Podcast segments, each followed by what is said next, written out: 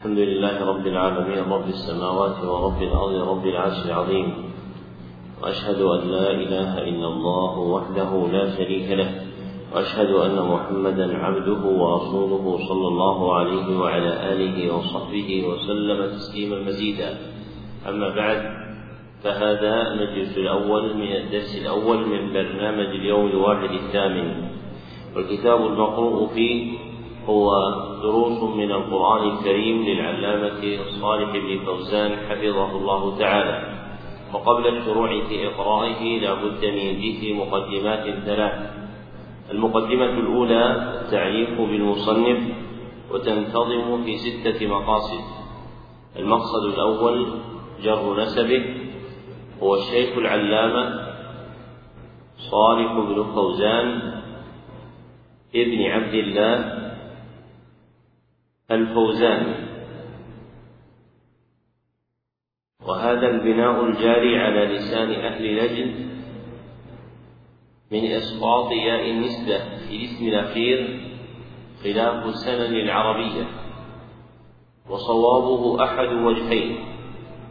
الأول إضافة ياء النسبة إليه فيقال الفوزاني ولا يقال الفوزان. اتباعا لقاعدتهم في النسب التي أشار إليها ابن مالك في الألفية بقوله ياء كالكرسي زادوا للنسب. والثاني سبق الاسم الأخير بكلمة ابن فيقال ابن فوزان ولا يقال الفوزان الثاني المقصد الثاني المقصد الثاني تاريخ مولده. ولد حفظه الله سنة أربع وخمسين بعد الثلاثمائة والألف. المقصد الثالث جمهرة شيوخه تلمذ حفظه الله لجماعة من العلماء من أهل بلده الشماسية والرياض. منهم إبراهيم بن يوسف وهو أول مشايخه ومحمد الأمين الشنقيطي وعبد العزيز بن باز وعبد الله بن حميد رحمهم الله. المقصد الرابع جمهرة تلاميذه أخذ عنه حفظه الله جم غفير من الطلبة منهم عادل الفريدان وعبد العزيز المحمود وعلي الشبل وناصر آل عبد المنعم.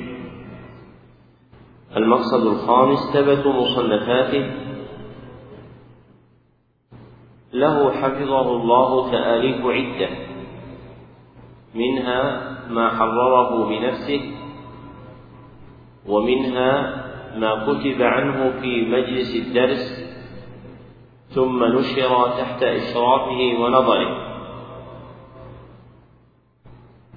فمن تلك الكتب الملخص الفقهي وإعانة المستفيد وأحكام الأطعمة والتحقيقات المرضية وشرح العقيدة الواسطية وشرح زاد المستقنع. المقصد السادس تاريخ وفاته. لا يزال الشيخ حيا بين أظهرنا ممتعا بالصحة والعافية. وله من العمر سبع وسبعون سنة. وذكر هذا المقصد في حق الأحياء جار على التزام سنن واحد في الترجمة. فيعقد مقصد بهذا الاسم يبين فيه حياة من كان حيا ووفاة من كان قد مات من المصنفين. المقدمة الثانية تعرف بالمصنف وتنتظم في ستة مقاصد أيضا. المقصد الأول تحقيق عنوانه اسم هذا الكتاب دروس من القرآن الكريم. فهو الاسم الذي طبع به في حياته.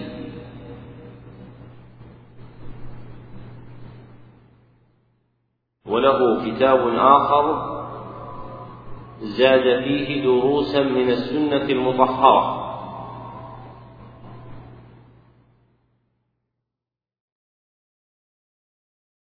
الثاني إثبات نسبته إليه هذا الكتاب ثابت بالنسبة إلى مصنفه. فإنه مطبوع في حياته معزوا إليه دون نكيل منه. ولا ادعاء غيره له. فعلم بهاتين القرينتين أن الكتاب من تصنيفه. المقصد الثالث بيان موضوعه أشار المصنف حفظه الله إلى أن هذا الكتاب دروس من القرآن في مواضيع مختلفة من العقائد والعبادات والمعاملات. ذكر هذا في ديباجة كتابه وهي كافية في بيان موضوعه. المقصد الرابع ذكر رتبته من منازع فهم القرآن عند المتأخرين ما يسمى بالتفسير الموضوعي ومرادهم به بيان المعاني والأحكام المتعلقة بموضوع ما من خلال الآيات القرآنية. ولهم فيه طرائق مختلفة تصنيفا بين الاختصار والتقويد والإفراد والجمع. وهذا الكتاب من جملة الكتب المتوسطة فيه. إذ اشتمل على قدر من الموضوعات المختلفة على نحو موجز. المقصد الخامس توضيح منهجه. قسم المصنف حفظه الله كتابه إلى دروس سبعة.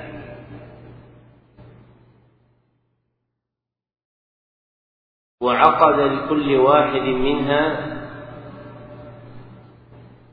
ترجمة تدل عليه وتخبر عنه.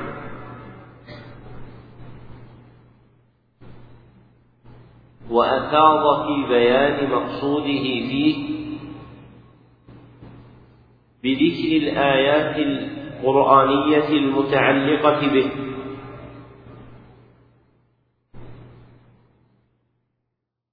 مع الإشارة إلى ما يحتاج إليه من بيان المعاني وذكر التقاسيم والأنواع.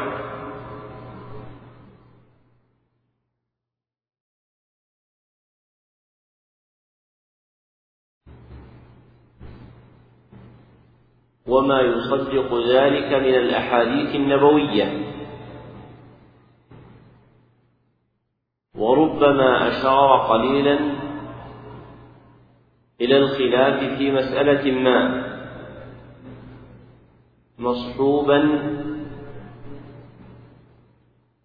ببيان ما يرجحه. المقصد السادس العناية به اقتصرت العناية بهذا الكتاب على طباعته مرة بعد مرة.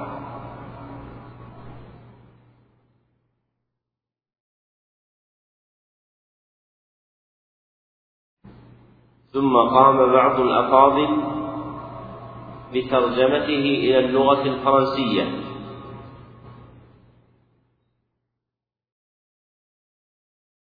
المقدمة الثالثة ذكر السبب الموجب لإقرائه. إن من العلوم النافعة علم التفسير. إلا أنه علم طويل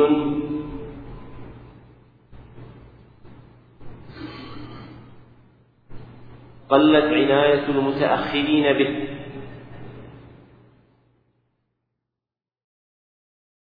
وإن من مسالك تحبيبهم فيه وإيقافهم على طريق تلقيه. إقراء مثل هذا الكتاب. فهو بمثابة مدخل يعرف بمعاني جملة مستكثرة من آيات القرآن من خلال موضوع من الموضوعات المتعلقة بآياته.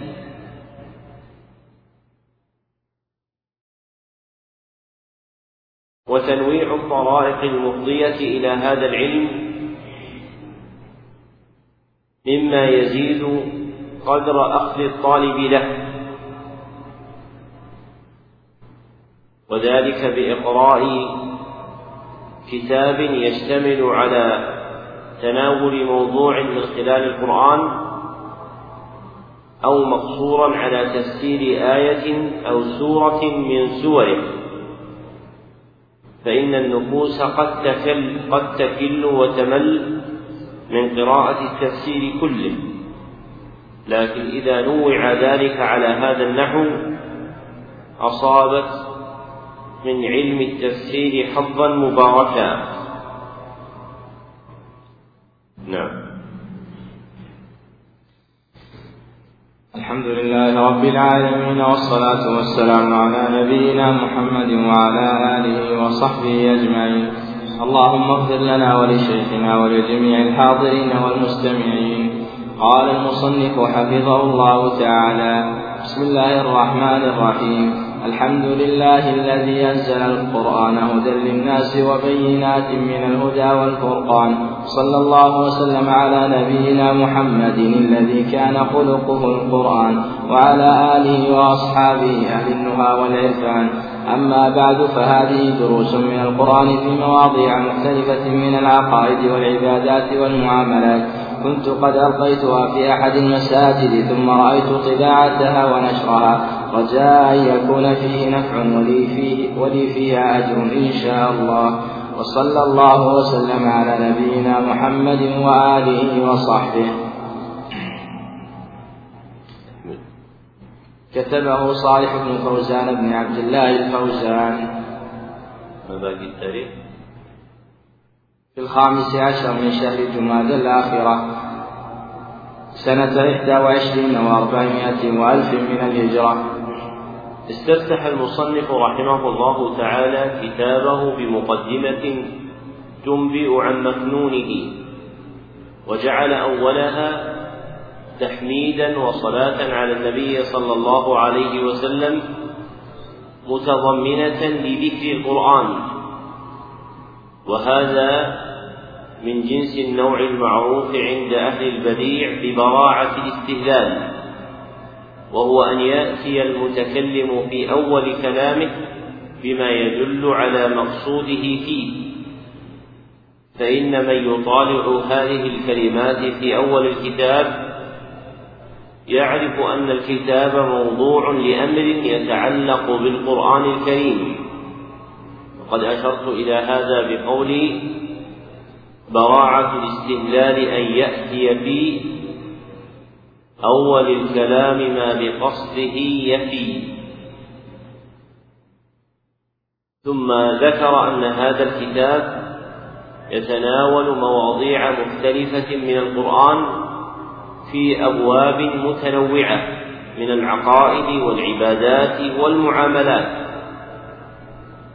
ثم ختم هذه المقدمة بالإشارة إلى اسمه بقوله وكتبه صالح بن فوزان ابن عبد الله الفوزان. وختم الكتب بهذه الصيغة أمر قديم عند العرب تروى فيه أشياء من الصدر الأول من رسائل النبي صلى الله عليه وسلم. وذكر ابن حزم في تهذيب التهذيب في ترجمة عقبة بن عامر رضي الله عنه أنه رأى في مصر مصحفا بخطه آخره وكتبه عقبة بن عامر. وكان الجاري فيما سلف جعل ذلك آخر الكتاب.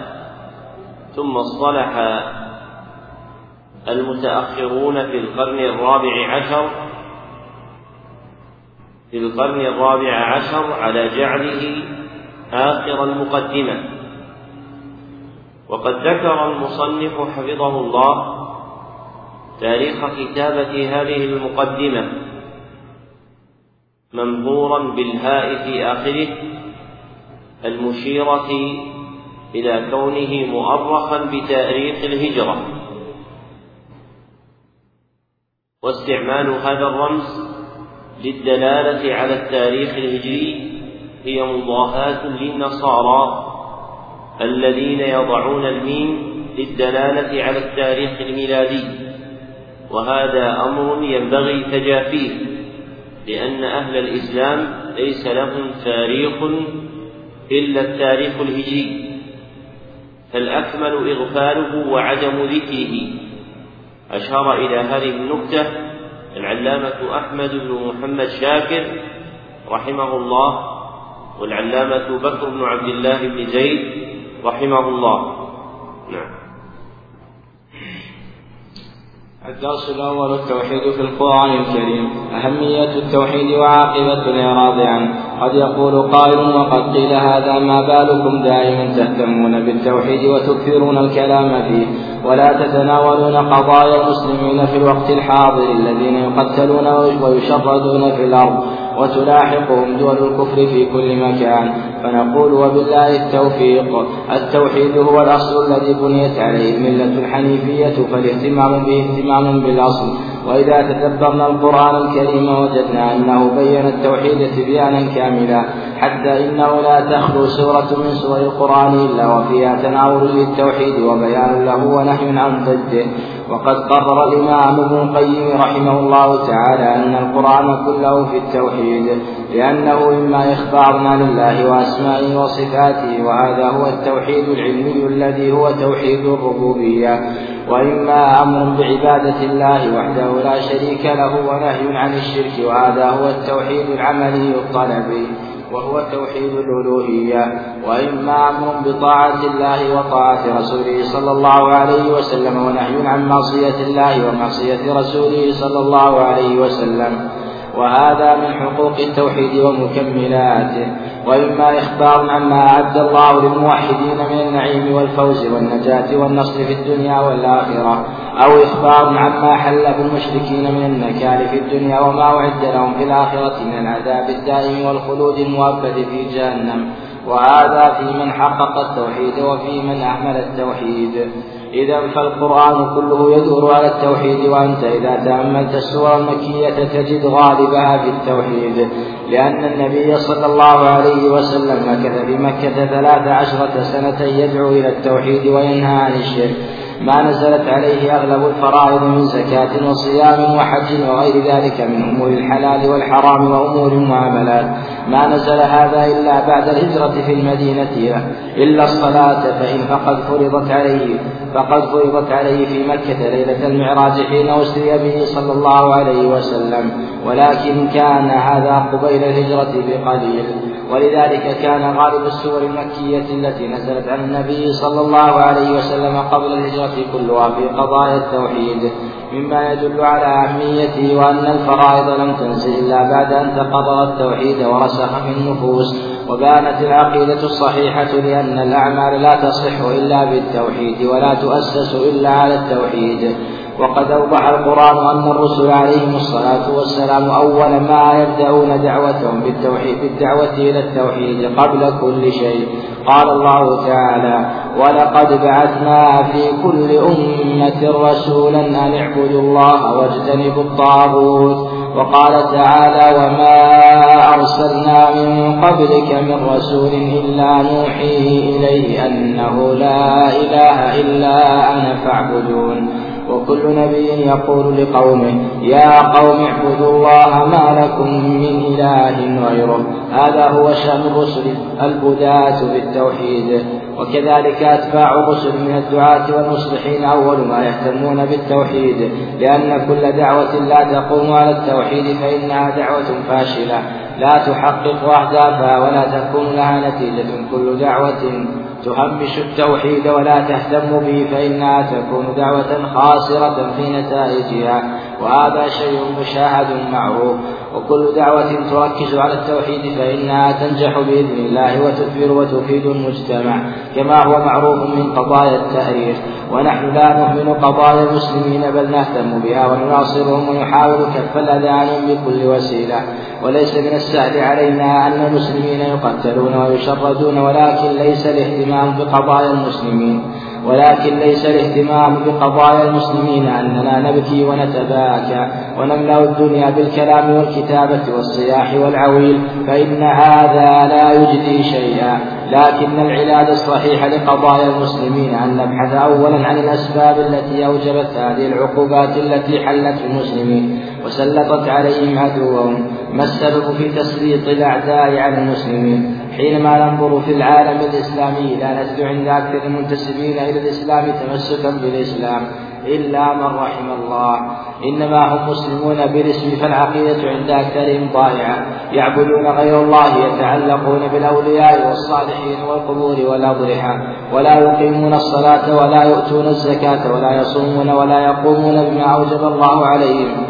ومن ذلك إعداد القوة لجهاد الكفار. هذا حال كثير من المنتسبين إلى الإسلام. ضيعوا دينهم فأطاعهم الله عز وجل. وأهم الأسباب التي أوقعت بهم هذه العقوبات هو إهمالهم للتوحيد ووقوعهم في الشرك الأكبر ولا يتناهون عنه ولا ينكرونه من لا يفعله منهم فإنه لا ينكره بل لا يعده شركا.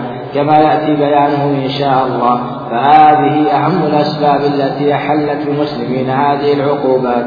ولو أنهم تمسكوا بدينهم وأقاموا توحيدهم وعقيدتهم على الكتاب والسنة واعتصموا بحبل الله جميعا ولم يتفرقوا لما حل بهم ما حل.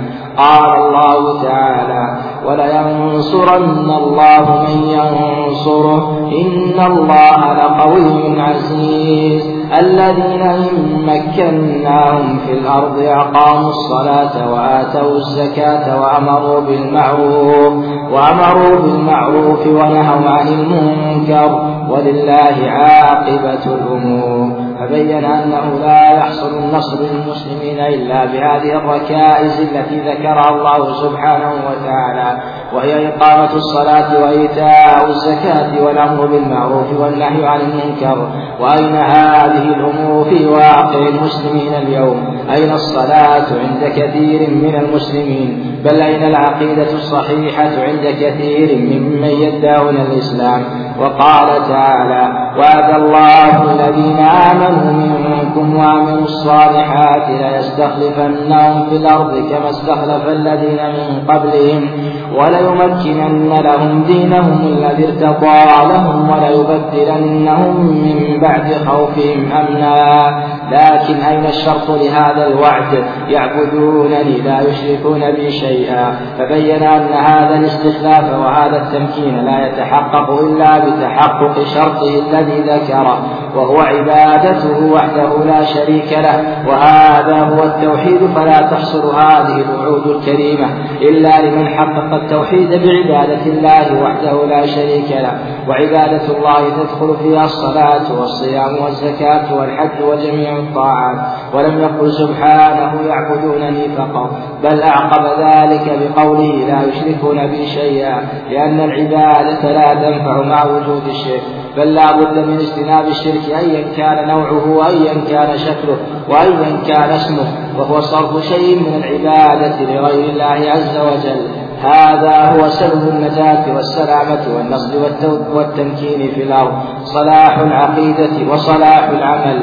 وبدون ذلك فإن العقوبات والنكبات والمثلات قد تحل. قد تحل من أقل بشيء مما ذكره الله من القيام بهذا الشرط. وهذه النكبات وهذا التسلط من الأعداء سببه إخلال المسلمين بهذا الشرط وتفريطهم في عقيدتهم ودينهم واكتفاءهم بالتسمي بالإسلام فقط. ابتدأ المصنف رحمه الله تعالى مواضيع هذا الكتاب بموضوع عظيم. بل هو أعظم الموضوعات المذكورة في القرآن الكريم وهو توحيد الله سبحانه وتعالى. فإنه ما ملئ القرآن بشيء كما ملئ بالآيات المتعلقة بتوحيد الله سبحانه وتعالى. ولا أدل على ذلك ما ذكره المصنف وغيره مما يأتي أن القرآن كله توحيد. وقد ابتدأ المصنف رحمه الله تعالى هذا الدرس العظيم بعقد ترجمة تبين أهمية التوحيد وعاقبة الإعراض عنه وأورد سؤالا جعله فاتحة في بيان هذا الأصل وهو قول القائلين ما بالكم دائما تهتمون بالتوحيد وتكثرون الكلام فيه ولا تتناولون قضايا المسلمين في الوقت الحاضر الذين يقتلون ويشردون في الأرض ثم أجاب عنه ببيان أن الحامل على ذلك هو كون التوحيد هو الأصل ومقتضى الشريعة والعقل أن ما كان أصلا عظيما هو مقدم على غيره. وقد كان أبو عبيدة معمر بن المثنى رحمه الله تعالى يقول عجبت لمن يشتغل بالفضول ويترك الأصول انتهى كلامه. فتقديم الأصول أمر مقطوع بصحته عند العقلاء في كل ملة. والتوحيد في هذه الملة الحنيفية هو الأصل فالعناية به عناية بالأصل العظيم فيها كما قال المصنف فالاهتمام به اهتمام بالأصل وكلمة الاهتمام كلمة مولدة عند المتأخرين يريدون بها شدة العناية وقد ذهب بعض متأخري أهل اللغة إلى تصحيحها والأفصح اجتنابها والاكتفاء باسم العناية للدلالة على مقصودها. وقد ذكر المصنف رحمه الله تعالى وجوها دالة على أن التوحيد هو الأصل. أولها أن القرآن كله هو في التوحيد. فلا تخلو سورة من سور القرآن إلا فيها تناول التوحيد. كما ذكر هذا المعنى ابن القيم رحمه الله تعالى في مدارج السالكين وابن أبي العز في شرح الطحاوية وتبعهما جماعة من المتأخرين. وقد بين ابن القيم رحمه الله تعالى وابن أبي العز كون القرآن كله في التوحيد وذلك من وجوه أربعة. أولها أن القرآن منه ما هو خبر عن الله. وثانيها أن منها أن منه ما هو خبر عن حقه وهو العبادة.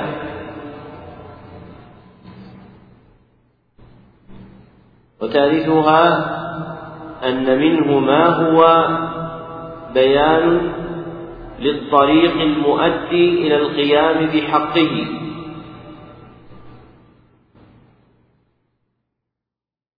ورابعها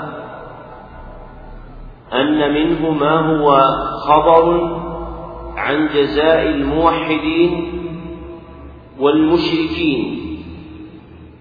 فلما كان خبر القرآن راجعا إلى هذه الأمور الأربعة تقرر أنه كله أنه كله في التوحيد أنه كله في التوحيد. لأن الخبر عن الله سبحانه وتعالى يتعلق بالتوحيد العلمي. الخبري والخبر عن عبادته يتعلق بالتوحيد العملي الإرادي الطلبي والخبر عن الطريق المؤدي إلى كيفية القيام بحقه هو من جملة حقوق التوحيد ومكملاته والخبر عن جزاء أهله ومن أعرض عنه هو خبر عن جزاء التوحيد وضده. فحينئذ فالقرآن كله في التوحيد والوجه الثاني الدال على كون التوحيد أصلا هو أن غالب السور المكية تتمحض في التوحيد فلا يذكر فيها غيره. وهذا معنى قول المصنف ولذلك كان غالب السور المكية التي نزلت على النبي صلى الله عليه وسلم قبل الهجرة كلها في قضايا التوحيد أي متمحضة خالصة فيه لا يذكر فيها سواه. والوجه الثالث الدال على كون التوحيد أصلا هو أن الرسل عليهم الصلاة والسلام أول ما يبدأون دعوتهم بالدعوة إلى التوحيد. كما قال تعالى ولقد بعثنا في كل أمة رسولا أن اعبدوا الله واجتنبوا الطاغوت.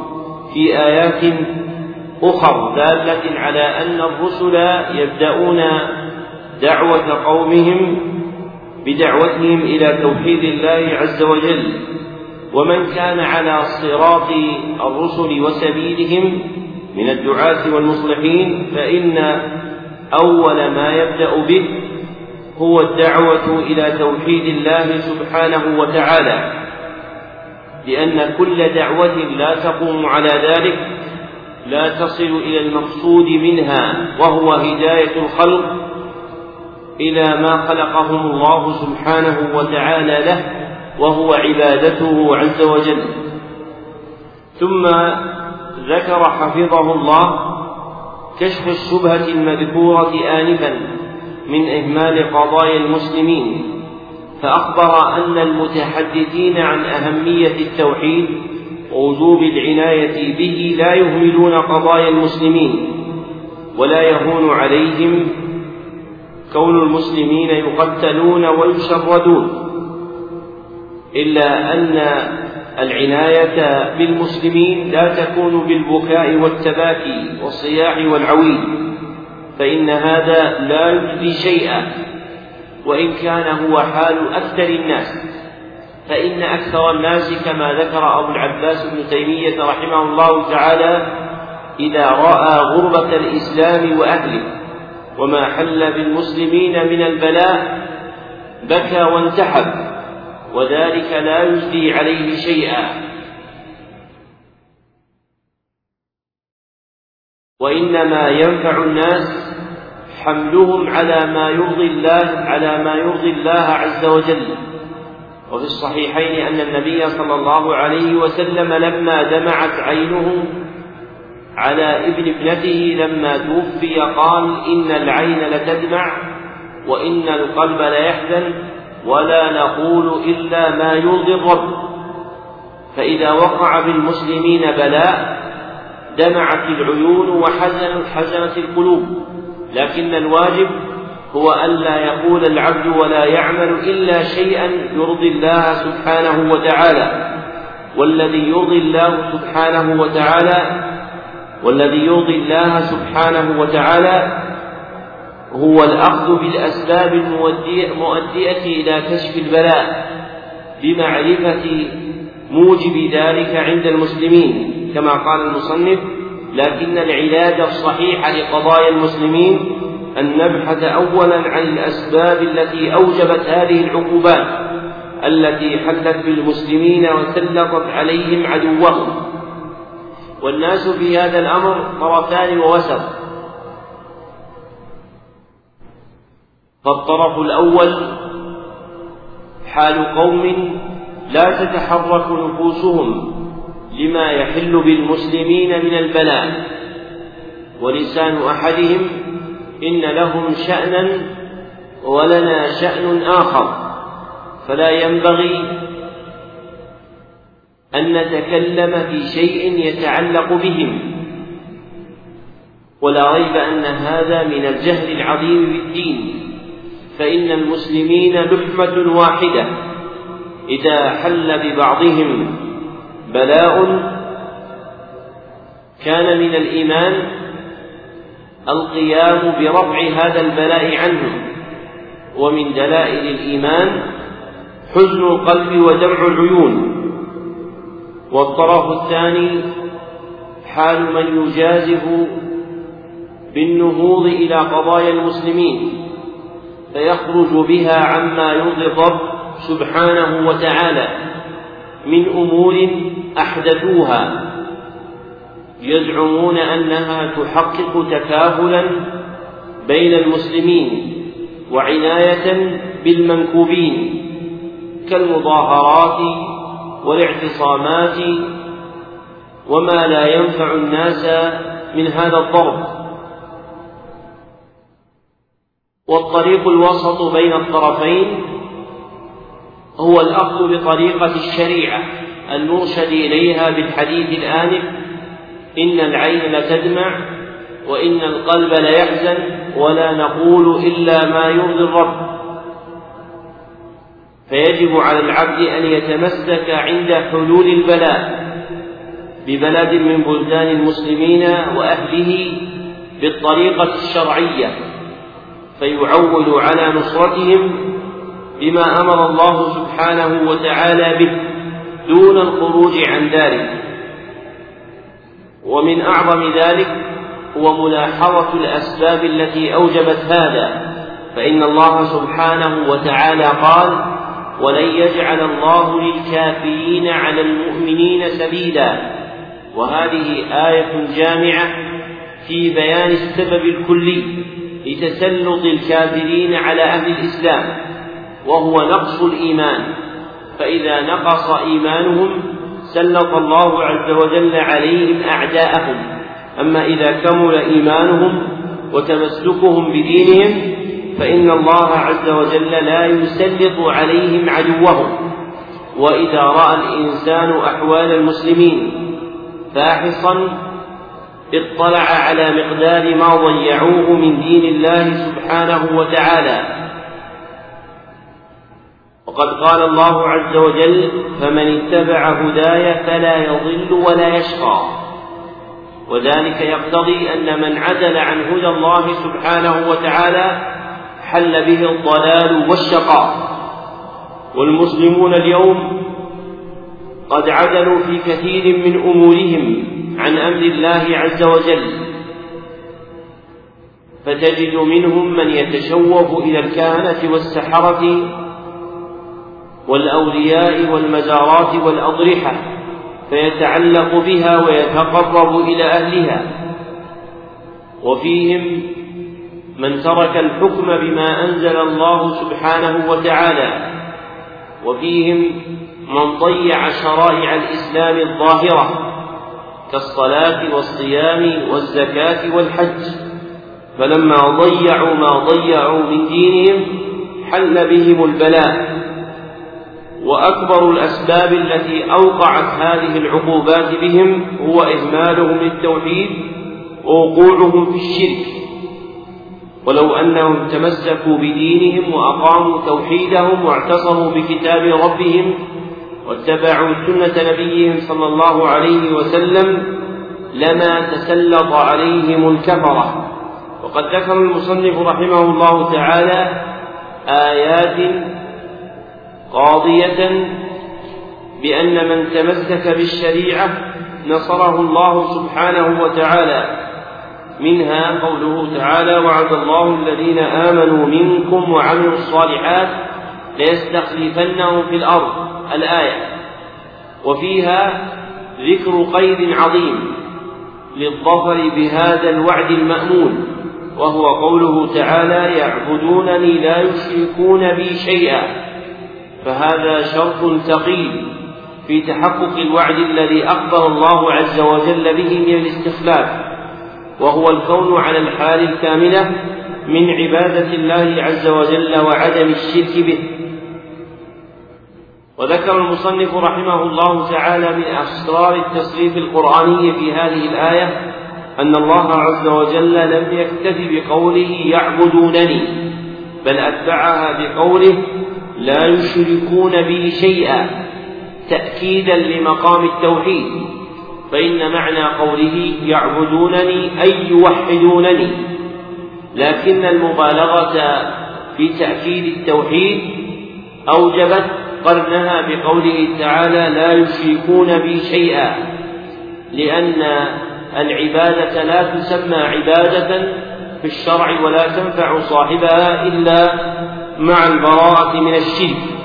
ثم عرف المصنف حفظه الله الشرك بقوله وهو صرف شيء من العبادة لغير الله عز وجل وهذا الحد المشهور متعقب بأن الشرع اتخذ كلمة الجعل للدلالة على الوقوع في الشرك. كما قال الله عز وجل فلا تجعلوا لله أندادا وأنتم تعلمون وفي الصحيحين من حديث ابن مسعود رضي الله عنه أن رجلا سأل النبي صلى الله عليه وسلم أي الذنب أعظم فقال أن تجعل لله ندا وهو خلقه ثم إن كلمة الصرف إنما تدل عن تحويل على تحويل الشيء إلى غير وجهه بخلاف كلمة الجعل فإنها موضوعة في لسان العرب للدلالة على الإقبال وتعلق القلب.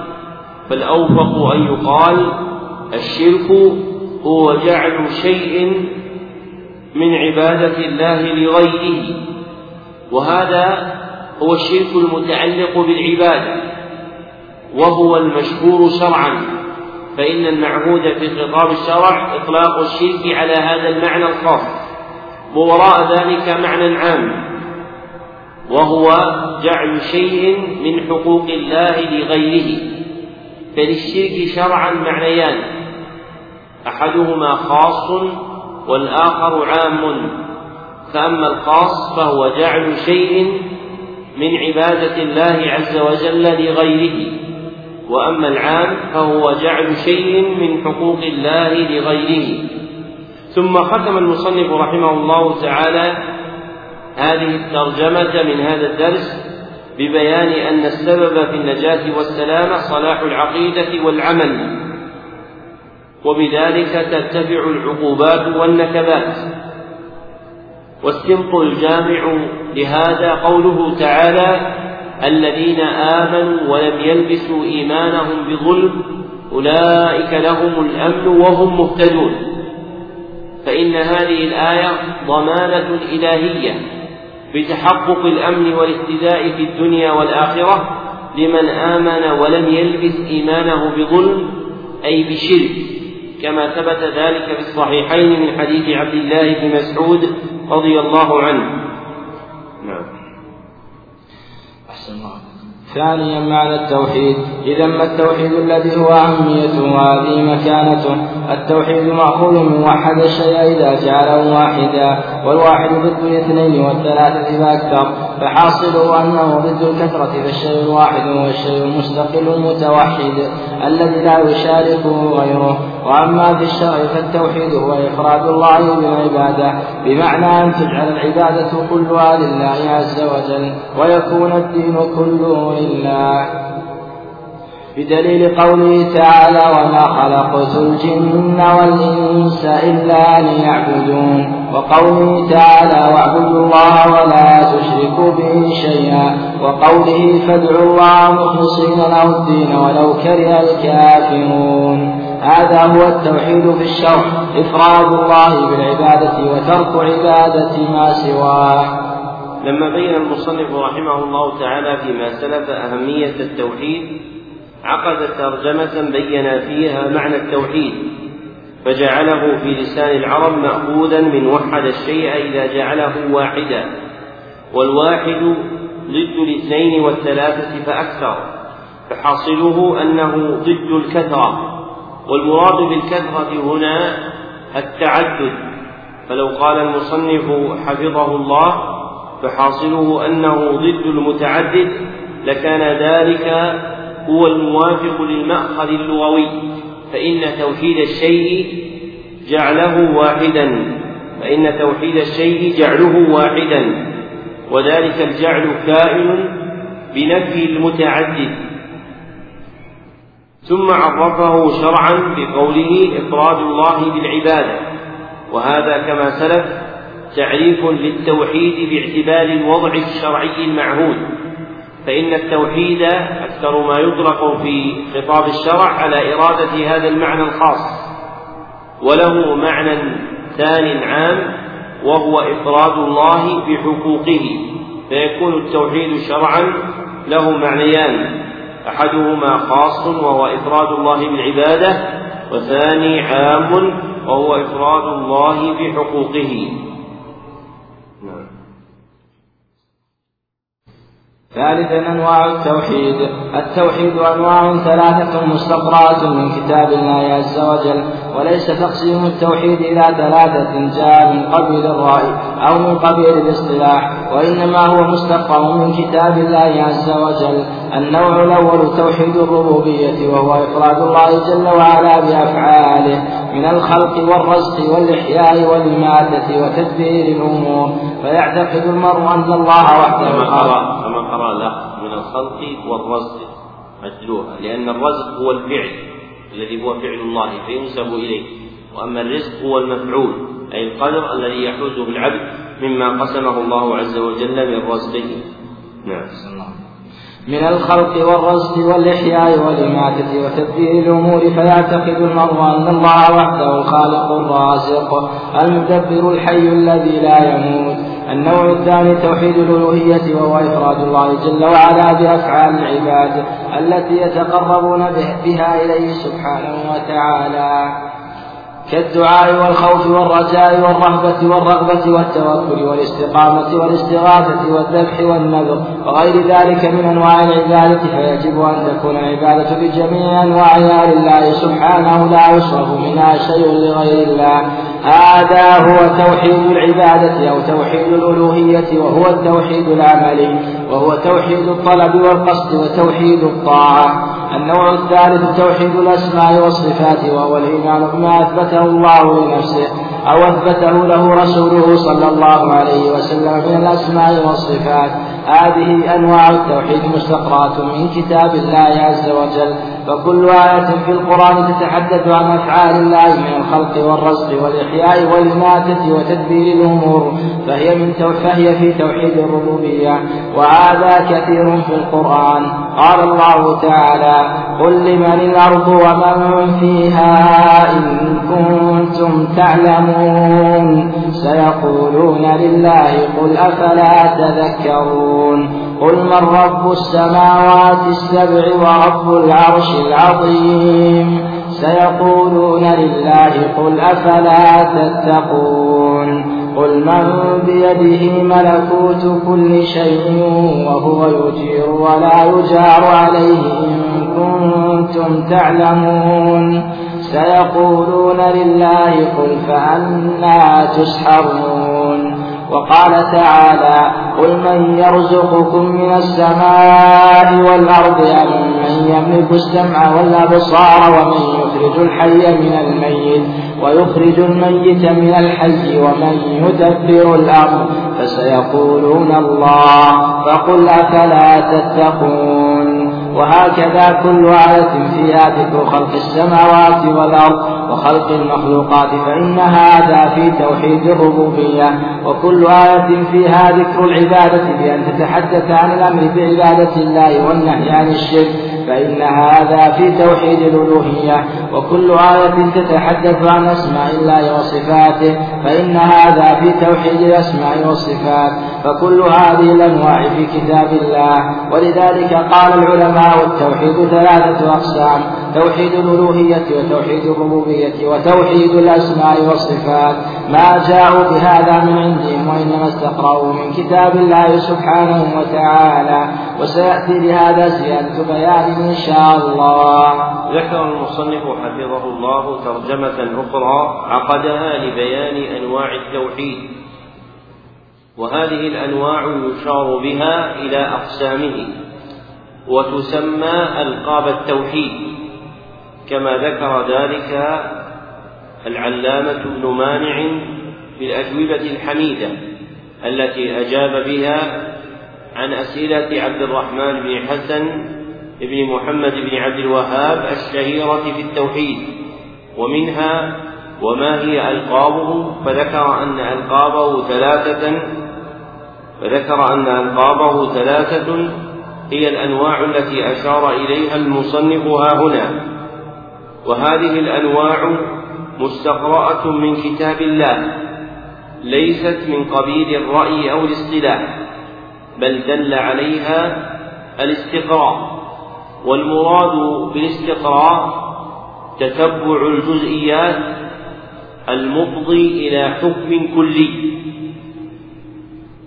كما قال الأخضري في السلم وإن بجزئي على كل استدل فذا بالاستقراء عندهم عقل فتتبع آيات القرآن الكريم للدلالة على أفراد التوحيد أنتج الاطلاع على هذه الأنواع الثلاثة.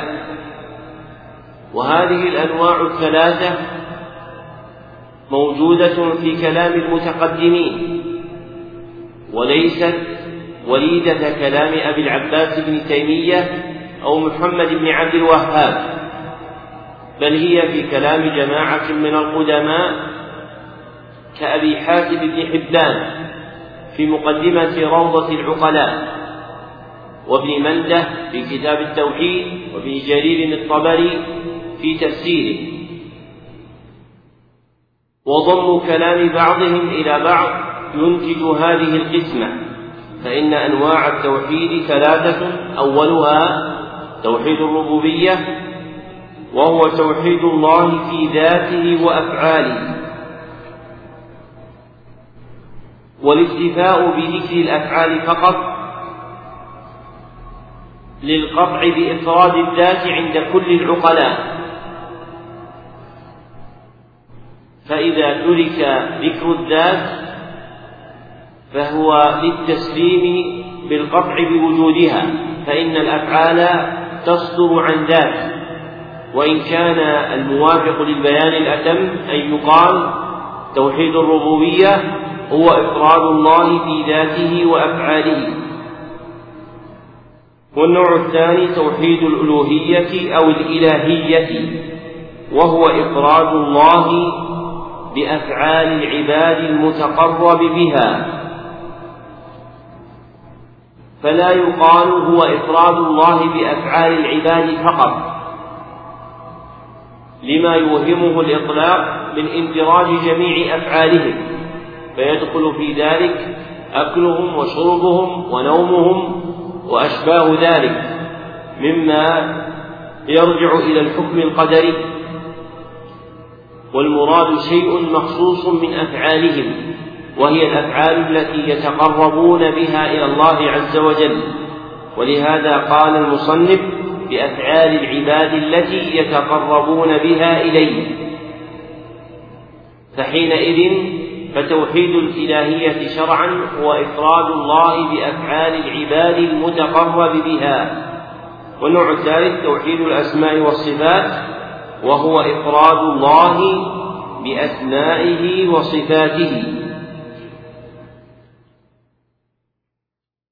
وسيذكر المصنف حفظه الله بيانا أتم لهذا المأخذ في التقسيم والرد على من خرج عنه في نبذة متقدمة من الكتاب. نعم.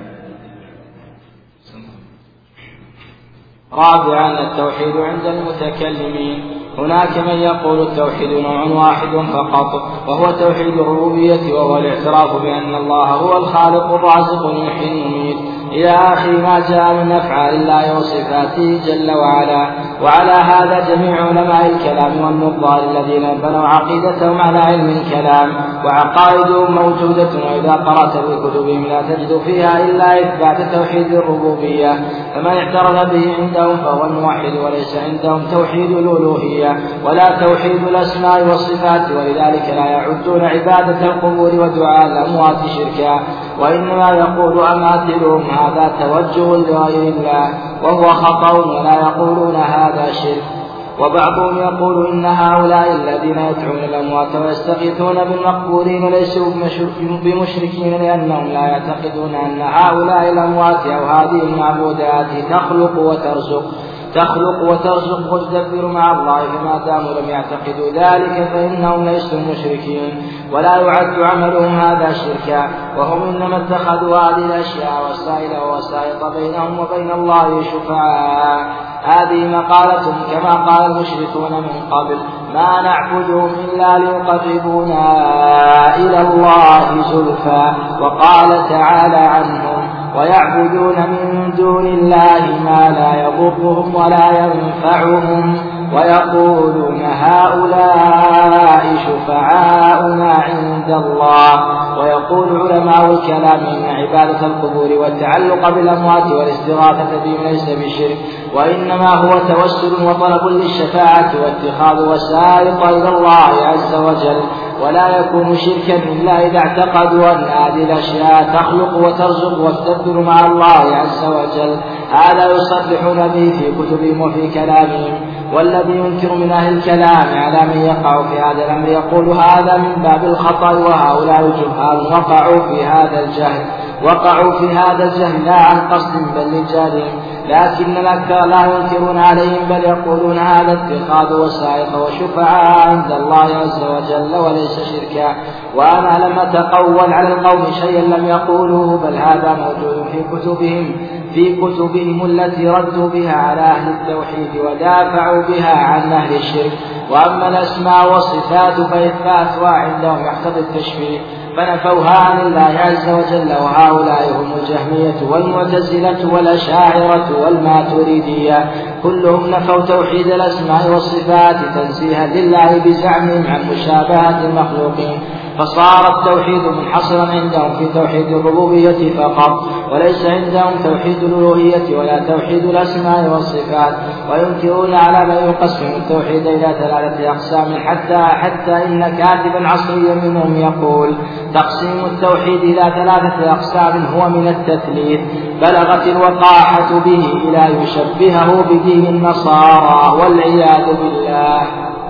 عقد المصنف رحمه الله تعالى حفظه الله تعالى ترجمة رابعة متعلقة بهذا الدرس بين فيها حقيقة التوحيد عند المتكلمين وهو أنهم يزعمون أن التوحيد نوع واحد هو توحيد الربوبية المتضمن للاعتراف بأن الله هو الخالق الرازق المحيي المميت إلى آخر ما جاء من أفعال الله.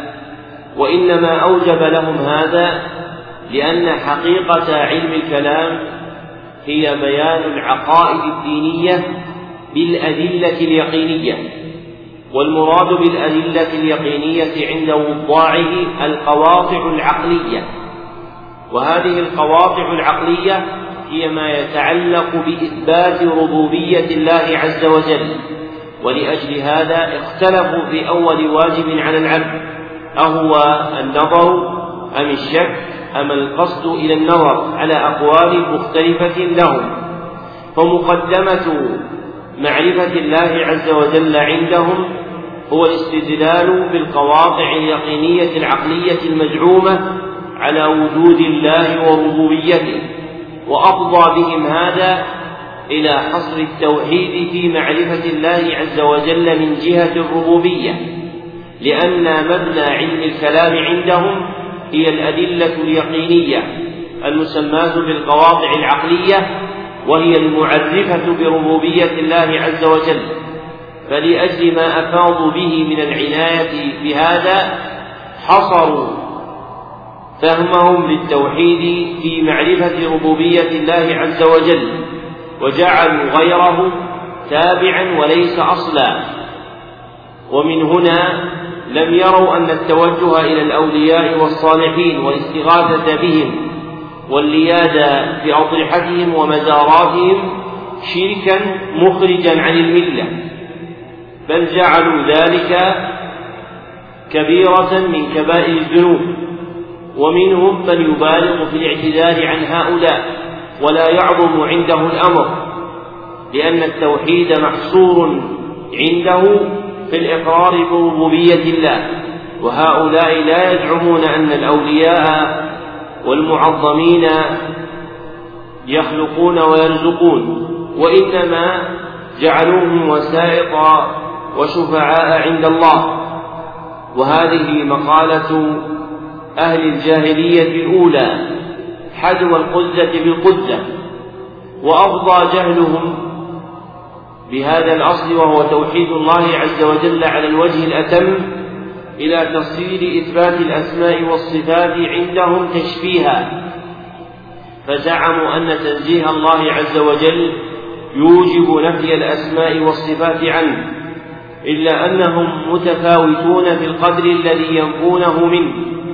فقول المصنف فنفوها عن الله عز وجل وهؤلاء هم الجهمية والمعتزلة والأشاعرة والماتريدية كلهم نفوا توحيد الأسماء والصفات تنزيها لله بزعمهم عن مشابهة المخلوقين أي في الأصل الكلي في النفي فإنهم مشتركون في النفي إلا أنهم متفاوتون فيه فمنهم من يثبت شيئا من الصفات مع إثبات الأسماء كما هي طريقة الأشاعرة والماتريدية. ومنهم من يثبت الأسماء دون الصفات كما هي طريقة المعتزلة. ومنهم من ينفي الأسماء والصفات جميعا كما هي طريقة الجهمية. فجعل المصنف لهؤلاء جميعا نفاة باعتبار وجود قدر مشترك بينهم من النفي. وإن كانوا يختلفون في حظوظهم منه. وهذا النفي تابع لما سلف من قصر حقيقة التوحيد عندهم على الربوبية وعدم كمال فهمهم لدلائل القرآن والسنة من شمول التوحيد للأنواع الثلاثة السابقة. نعم. خامسا الخطأ في تقسيم التوحيد. ومن المعاصرين من يقسم التوحيد إلى أربعة أقسام. فيقول التوحيد أربعة أنواع توحيد الربوبية وتوحيد الألوهية وتوحيد الأسماء والصفات وتوحيد الحاكمية. ويستند في هذا إلى إلى أن التقسيم اصطلاحي وليس توقيفيا.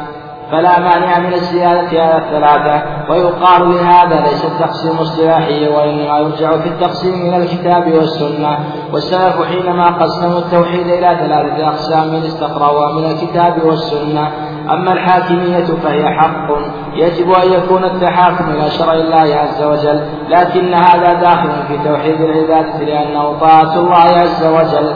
والسلف ما أحملوا توحيد الحاكمية حتى يأتي واحد متأخر فيضيفه بل هو عندهم داخل في توحيد العبادة توحيد الألوهية لأن من عبادة الله عز وجل طاعته بتحكيم شرعه فلا يجعل قسما مستقلا وإلا لزم من ذلك أن تجعل الصلاة قسما من أقسام التوحيد وتجعل الزكاة قسما والصيام قسما والحج قسما وكل أنواع العبادة أقساما للتوحيد ويجعل التوحيد أقساما لا نهاية لها وهذا غلط.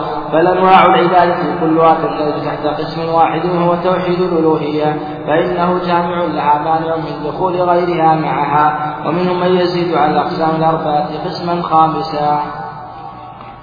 ويسميه اتباع الرسول صلى الله عليه وسلم وهذا غلط فاتباع الرسول صلى الله عليه وسلم حق ولا بد منه لكن اتباع الرسول صلى الله عليه وسلم من لوازم التوحيد. ولذلك لا تصح شهادة أن لا إله إلا الله إلا بشهادة أن محمدا رسول الله. فمن لازم الشهادة لله بالتوحيد الشهادة للرسول صلى الله عليه وسلم بالرسالة. وهذا من لوازم التوحيد وليس قسما مستقلا من أقسام التوحيد. ومخالف التوحيد يقال له مشرك أو كافر ومخالف المتابعة يكون مبتدعا. هذه أقوال المخالفين لأهل السنة في تقسيم التوحيد وهم بين مفرط ومفرط. المفرط هو الذي زاد على تقسيم التوحيد إلى ثلاثة أقسام. والمفرط هو الذي اقتصر على نوع واحد وأحمل البقية. بل أحمل الأهم الذي هو المطلوب وهو توحيد الألوهية. أما توحيد الربوبية فجميع الأمم فجميع الأمم مقرة به لم ينكره إلا شذاذ من الخلق أنكروا تكبرا وعنادا مع اعترافهم به في قرارة أنفسهم. فجميع الخلق مقرون بأن الله هو الخالق الرازق المحيي المميت المدبر. لكن ليس هذا هو التوحيد المطلوب. ذكر المصنف رحمه الله تعالى ترجمة أخرى في هذا الدرس بين فيها الخطأ في تقسيم التوحيد فإن الذي دل عليه الاستقراء كما تقدم أن التوحيد يقسم إلى ثلاثة أقسام هي توحيد الربوبية والألوهية والأسماء والصفات وزاد آخرون أقساما أخرى استندوا فيها إلى أن هذا التقسيم اصطلاحي. أي بحسب المواضعات التي اتفق عليها العلماء وأنه ليس توقيفيا وهذا من الغلط لأن مبنى هذه القسمة هو استقراء آيات القرآن الكريم والاستقراء التام من الأدلة المجمع عليها بل كثير من أهل العلم يعدونه دليلا قطعيا وقد دل تتبع أدلة القرآن الكريم على رد قسمة التوحيد إلى هذه الأنواع الثلاثة. وما زاد عن ذلك مما ذكره المتأخرون فهو شيء يرجع إليها. فمن ذكر توحيد الحاكمية وجعله قسما رابعا فإنه قد أفرد شيئا متعلقا بتلك الأنواع الثلاثة. وقد ذكر المصنف حفظه الله أن وجه رجوعه أن توحيد الحاكمية وهو إفراد الله سبحانه وتعالى في الحكم بتحكيم شرعه داخل في توحيد العبادة وهو توحيد الإلهية لأن من عبادة الله عز وجل طاعته بتحكيم شرعه. والتحقيق أن الحاكمية التي يذكرها المتأخرون راجعة إلى أنواع التوحيد الثلاثة. فأما رجوعها إلى توحيد العبادة فهو كما ذكر المصنف أن من عبادة الله عز وجل طاعته في تحكيم شرعه. وأما رجوعها إلى الربوبية فذلك أن الحكم كله لله سبحانه وتعالى. كما قال تعالى إن الحكم إلا لله فالله عز وجل من أفعاله النافذة في الخلق الحكم بينهم فإن الله يحكم بينهم لا معقب لحكمه. وأما رجوعه إلى توحيد الأسماء والصفات فذلك أن الله هو الحكم كما ثبت ذلك عن النبي صلى الله عليه وسلم في حديث أبي شريح يزيد بن هانئ رضي الله عنه وفيه قوله صلى الله عليه وسلم إن الله هو الحكم وإليه الحكم. فتوحيد الحاكمية غير خارج عن الأقسام الثلاثة. فهو راجع إليها وليس قسيما لها. وأما أما ما يذكره غيرهم من زيادة قسم آخر وهو توحيد الاتباع ويريدون به اتباع الرسول صلى الله عليه وسلم فهذا غلط لأن اتباع الرسول صلى الله عليه وسلم من لوازم التوحيد ومكملاته. فإن من آمن بالله عز وجل ربا يعبد وجب عليه أن يؤمن بأن النبي صلى الله عليه وسلم رسول مأمور باتباعه. ومن المتأخرين من يخرج عن هذا فيجعل التوحيد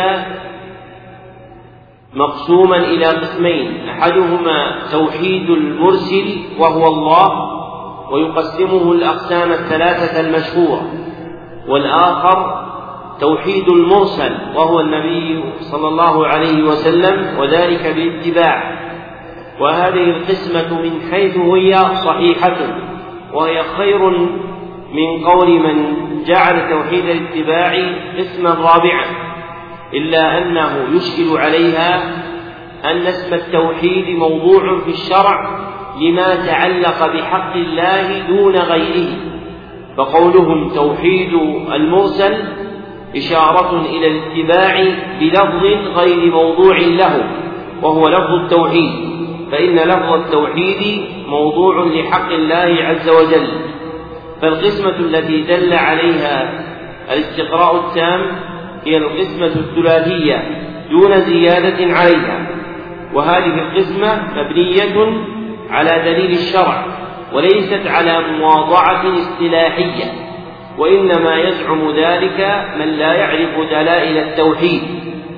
فإن من الناس من تفوه بمثل هذه الكلمات لجعله لجهله بالتوحيد. حتى قال أحدهم ولذلك لا توجد حدود فاصلة بين أنواع التوحيد الثلاثة يتميز بها أحدها عن الآخر وبنى على ذلك التسويغ بالزيادة عليه نوعا رابعا وهو توحيد الحاكمية.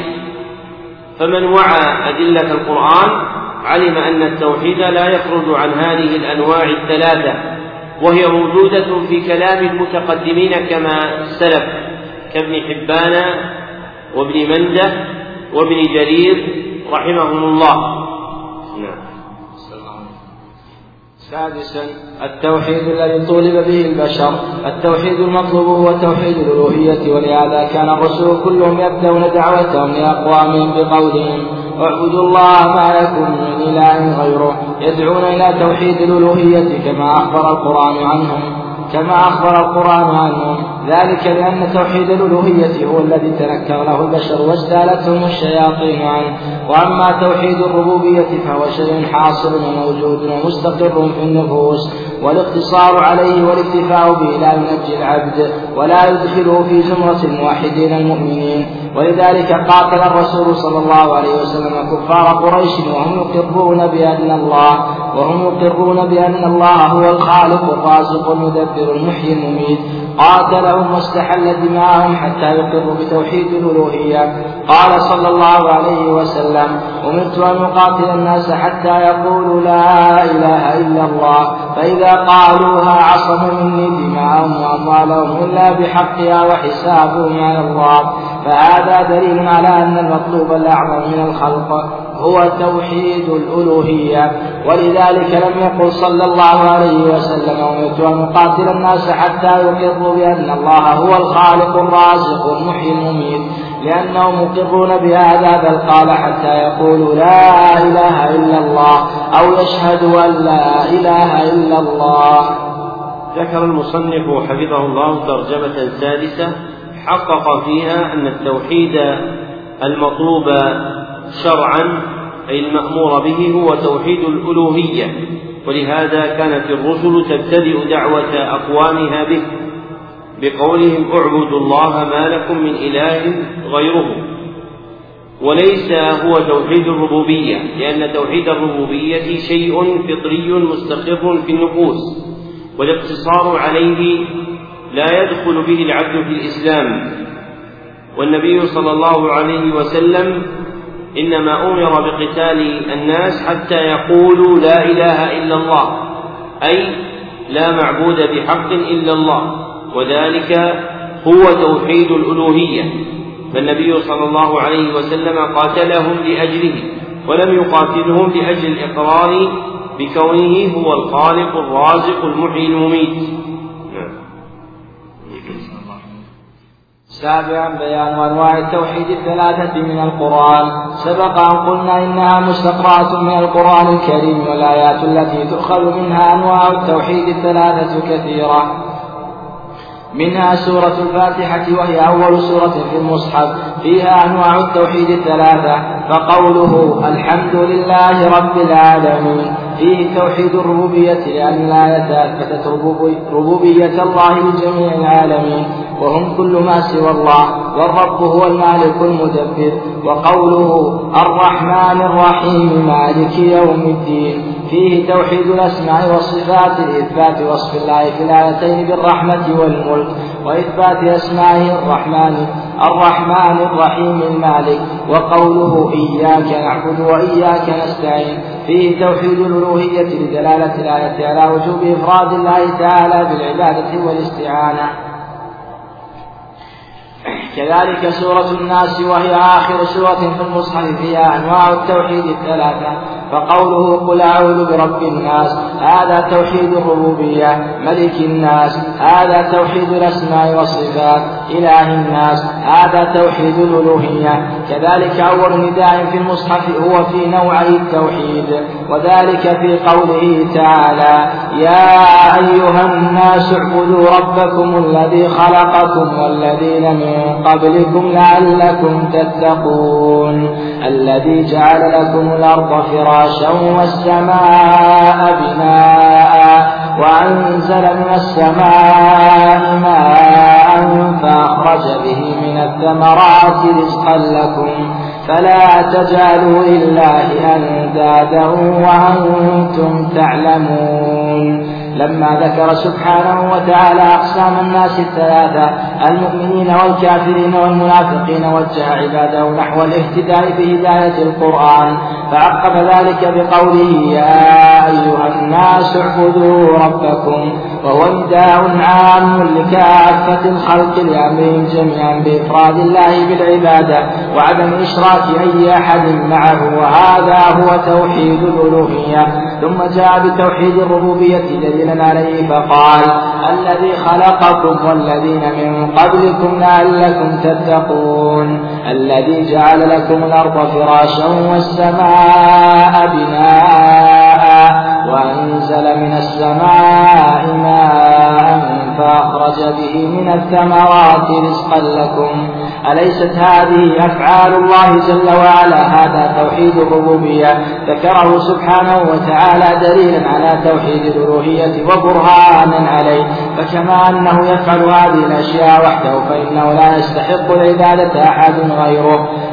بل هي حق خالص له سبحانه وذكر في هذه الآية نوعي التوحيد توحيد الألوهية لأنه المقصود الأعظم وذكر توحيد الربوبية دليلا على الألوهية ومستلزما له وأمر بذلك جميع الناس كما قال في آية أخرى وما خلقت الجن والإنس إلا ليعبدون فأخبر أن هذين العالمين العظيمين عالم الجن وعالم الجن وعالم الإنس لم يخلقا إلا للقيام بعبادة الله وإفراده بها وتوحيده في ألوهيته ثم نهى عن الشرك في آخرها فقال فلا تجعلوا لله أندادا وأنتم تعلمون أندادا أي شركاء أي شركاء تصرفون لهم شيئا من العبادة وأنتم تعلمون أنه لا شريك له في ربوبيته يشاركه في هذه الأمور. خلق السماوات والأرض وإنزال المطر وإنبات النبات. أنتم تعلمون أنه لا أحد يشارك الله في هذه الأمور. فكيف تشركون معه غيره في العبادة؟ وقال سبحانه وتعالى وإلهكم إله واحد. لا إله إلا هو. هذا في توحيد الألوهية والإله معناه المعبود والألوهية العبادة والحب. ومعنى الآية ومعبودكم بحق معبود واحد لا إله إلا هو أي لا معبود بحق سواه. وقوله الرحمن الرحيم هذا داخل في توحيد الأسماء والصفات إذ فيه إثبات اسمه لله وإثبات صفة الرحمة. وقوله إن في خلق السماوات والأرض واختلاف الليل والنهار والفلك التي تجري في البحر بما ينفع الناس وما أنزل الله من السماء من ماء فأحيا به الأرض بعد موتها وبث فيها من كل دابة وتصريف الرياح والسحاب المسخر بين السماء والأرض لآيات لقوم يعقلون هذا في توحيد الربوبية ذكره الله دليلا وبرهانا على توحيد الألوهية. ولذلك ولذا أخبر أن أن, أن في ذلك آيات أي دلالات وبراهين على استحقاق الله للعبادة دون غيره. ففي هذه الآية أقسام التوحيد الثلاثة. وهكذا تجدها متجاورة في القرآن الكريم. سبق أن المصنف حفظه الله ذكر أن أنواع التوحيد دل عليها استقراء القرآن الكريم. وقد عقدها هنا ترجمة بين فيها طرفا من أدلة الاستقراء الدالة على أنواع التوحيد. فبين أن سورة الفاتحة وهي أول سورة في المصحف أي من جهة كتابته ورسمه قد تضمنت أنواع التوحيد الثلاثة. فإن قوله سبحانه وتعالى الحمد لله رب العالمين فيه توحيد الربوبية لأن الآية أثبت أثبتت الربوبية لله والرب هو المالك المدبر كما قال. وقوله حفظه الله فيه توحيد الربوبية أي من جهة المعنى المتبادل منه ظاهرا. وإلا فإن أنواع التوحيد الثلاثة مستكنة في هذه الآية فإن قوله تعالى لله إثبات للألوهية. فإنه سمى نفسه الله وذلك الاسم الأحسن دال على إثبات ما تضمنه هذا الاسم من ألوهية الله عز وجل على خلقه. كما أن قوله سبحانه وتعالى رب العالمين متضمن لتوحيد الأسماء والصفات. فهذه الآية مع وجازتها متضمنة للأنواع الثلاثة. إلا أن الغالب في معناها مما يتبادر من ظاهرها إثبات الربوبية وعليه اقتصر المصنف. ثم ذكر قوله تعالى الرحمن الرحيم مالك يوم الدين وبين أنه متضمن لتوحيد الأسماء والصفات. ثم ذكر قوله تعالى إياك نعبد وإياك نستعين وأنه متضمن لتوحيد الألوهية لدلالة الآية على وجوب إفراد الله عز وجل بالعبادة والاستعانة. ثم ذكر بعد أن سورة الناس وهي آخر السورة في المصحف أي من جهة كتابته ورسمه فيها أنواع التوحيد الثلاثة. فقوله تعالى قل أعوذ برب الناس هذا توحيد الربوبية. وقوله ملك الناس هذا توحيد الأسماء والصفات.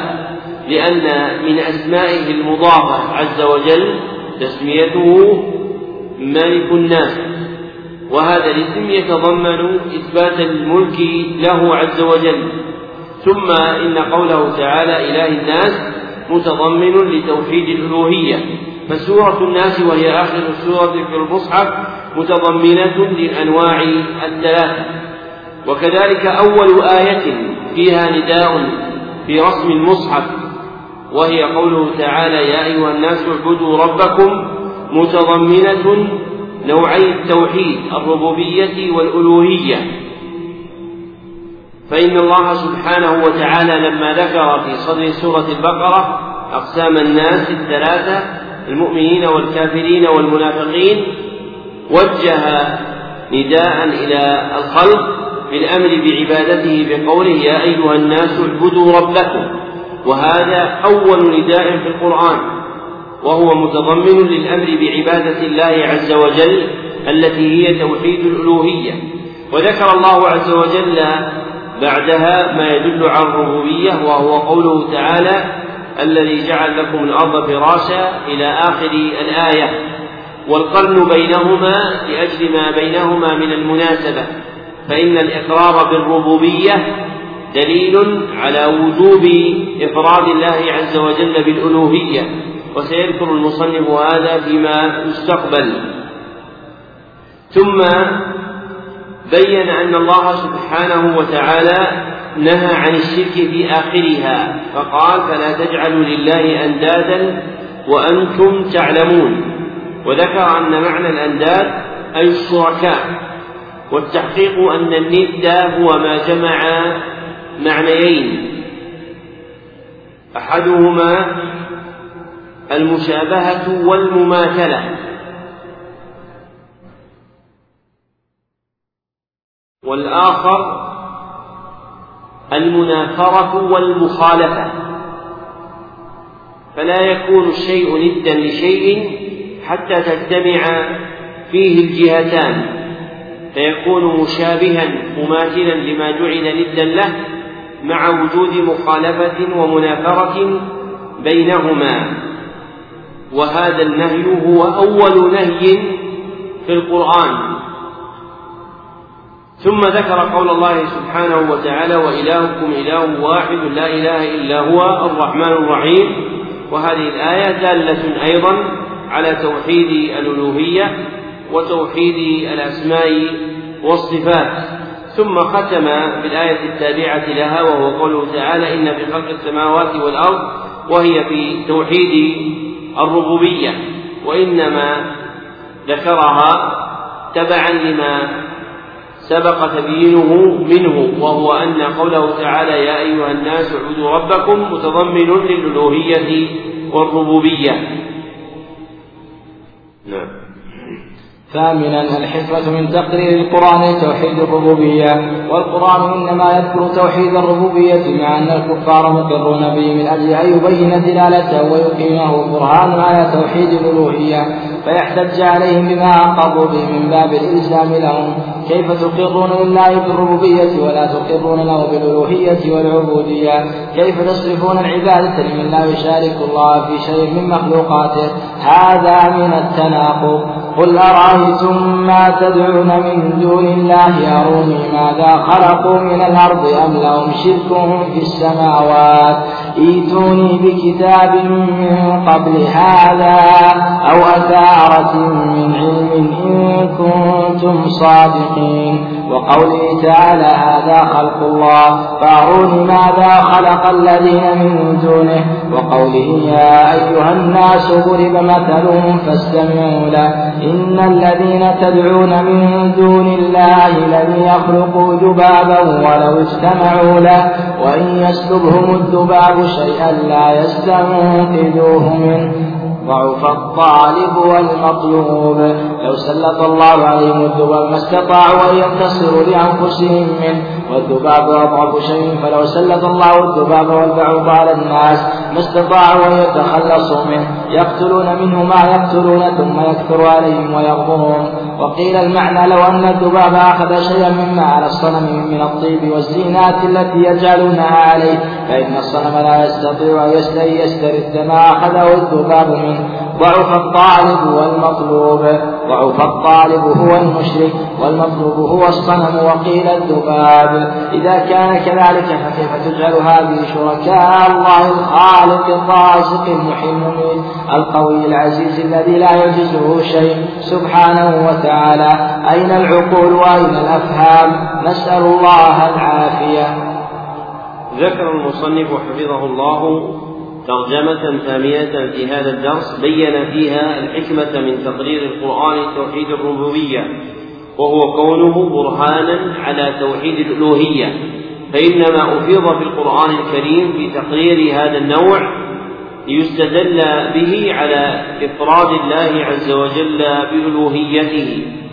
وقد ذكر ابن الوزير في ترجيح أساليب القرآن على أساليب اليونان عن صاحب كتاب مذاهب السلف ولم يسمه أن في القرآن خمسمائة آية تدل على توحيد الربوبية وإنما جاء هذا الكم من الآيات لأن الإقرار بتوحيد الربوبية مرقاة مفضية إلى الإقرار بتوحيد الألوهية فمن آمن بالله ربا له الملك والخلق والرزق والتدبير وجب وجب أن يؤمن به ربا معبودا لا يشرك به. وقد ذكر المصنف حفظه الله آية تدل على أن العدول عن ذلك تناقض. فمن أقر بالله ربا ولم يقر به معبودا مألوها فهو متناقض. ومن جملة الآية آية سورة الحج. وذكر في تفسيرها قولين اثنين. الصحيح منهما أن الطالب هو الصنم والمطلوب هو الذباب. فإن معنى الآية إن الذين تدعون من دون الله أي من الأصنام لن يخلقوا ذبابا ولو اجتمعوا ولو اجتمعوا له. وإن يسلبهم الذباب شيئا إن أي إن يسلب الذباب الأصنام شيئا مما هو لها فإن تلك الأصنام لا تستنقذه منه. كما قال تعالى لا يستنقذوه منه ضعف الطالب أي الصنم والمطلوب أي الذباب. وهذا هو قول ابن عباس. واختاره ابن جرير. وقال ابن كثير في تفسيره وهو ظاهر السياق. وهو أصح القولين اتباعا لدلالة السياق كما ذكر ابن كثير. نعم. تاسعا التوحيد في آية الكرسي. آية الكرسي. الله لا إله إلا هو الحي القيوم. لا تأخذه سنة ولا نوم. له ما في السماوات وما في الأرض. من ذا الذي يشفع عنده إلا بإذنه. يعلم ما بين أيديهم وما خلفهم. ولا يحيطون بشيء من علمه إلا بما شاء. وسع كرسيه السماوات والأرض ولا يؤوده حفظهما وهو العلي العظيم. هذه أعظم آية في كتاب الله عز وجل. تشتمل على ربوبية الله وعبادته وعلى أسماء الله وصفاته. جمع الله فيها بين النفي والإثبات. نفي النقائص والعيوب عنه وإثبات الكمال له سبحانه وتعالى. وفي أولها توحيد الألوهية. الله لا إله إلا هو.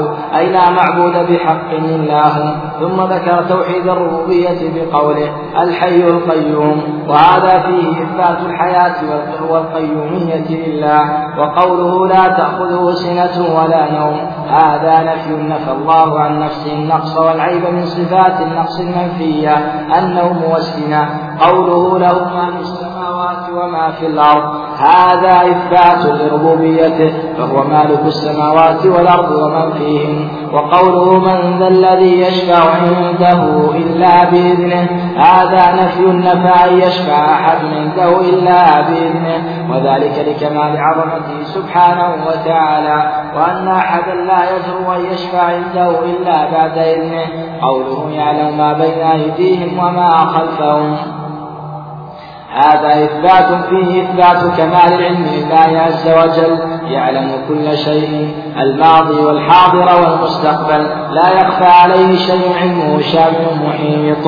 قوله ولا يحيطون بشيء من علمه إلا بما شاء. هذا نفي نفى عن الخلق. أن يعلموا شيئا من علم الله إلا بما أطلعهم الله عليه؟ وإلا فإنهم لا يعلمون الغيب لا يعلم الغيب إلا الله سبحانه. وقوله وسع كرسيه السماوات والأرض. الكرسي مخلوق من مخلوقات الله وهو مخلوق عظيم. السماوات والأرض بالنسبة إليه كسبعة دراهم ألقيت في فلاة وهي الصحراء الواسعة أو في ترس وهو صحن كبير. ما تكون سبعة دراهم في فلاة أو في ترس. فكرسي الله جل وعلا أكبر من السماوات والأرض. وهو غير العرش. والعرش أعظم من الكرسي. وما الكرسي في العرش إلا كحلقة حديد ألقيت في أرض فلا هذا الكرسي فكيف بعرش الرحمن سبحانه وتعالى؟